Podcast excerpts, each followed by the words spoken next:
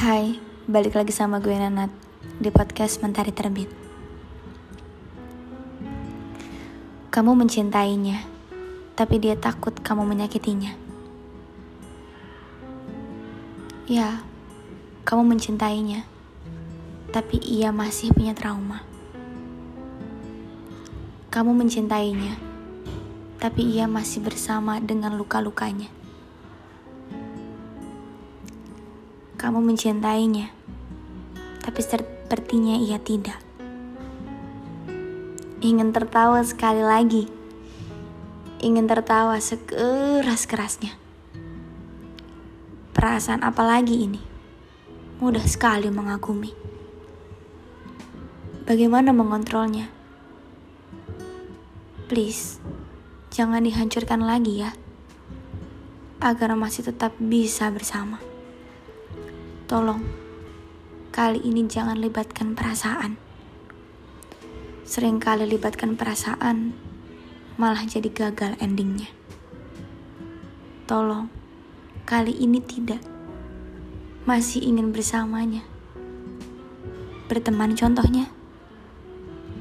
Itu sudah lebih dari cukup.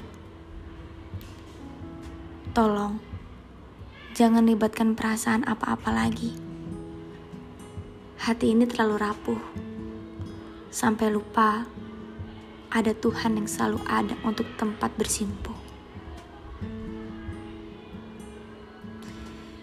Itu adalah kata-kata yang gue tulis dan gue harap kalian bisa ngedengerin kata-kata itu.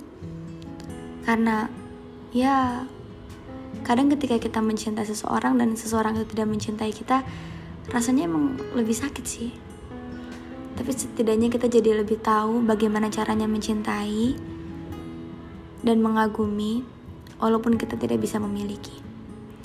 Dan yang pernah gue dapat kata-kata yang bagus itu adalah ya terkadang memang kita tidak bisa memiliki sesuatu yang kita cintai. Dan kita mencint terkadang kita mencintai sesuatu yang tidak kita bisa miliki gitu. Jadi itu adalah hal yang wajar dan normal. Tidak perlu disesali. Semuanya akan kembali. Jadi, ya, menikmati proses dan alurnya, bagaimana cara mengontrolnya, yakin kok. Pasti suatu saat kita akan bertemu dengan seseorang yang akhirnya bangga memiliki kita. Yang akhirnya sangat bersyukur telah dicintai oleh kita. Dan begitu bahagia telah memiliki kita. Oke, itu aja podcast gue hari ini. Terima kasih yang sudah mau mendengarkan dan mau menyimak dari awal sampai akhir. Lain kali kita diskusi lagi. Terima kasih. Sampai jumpa di podcast berikutnya. Bye.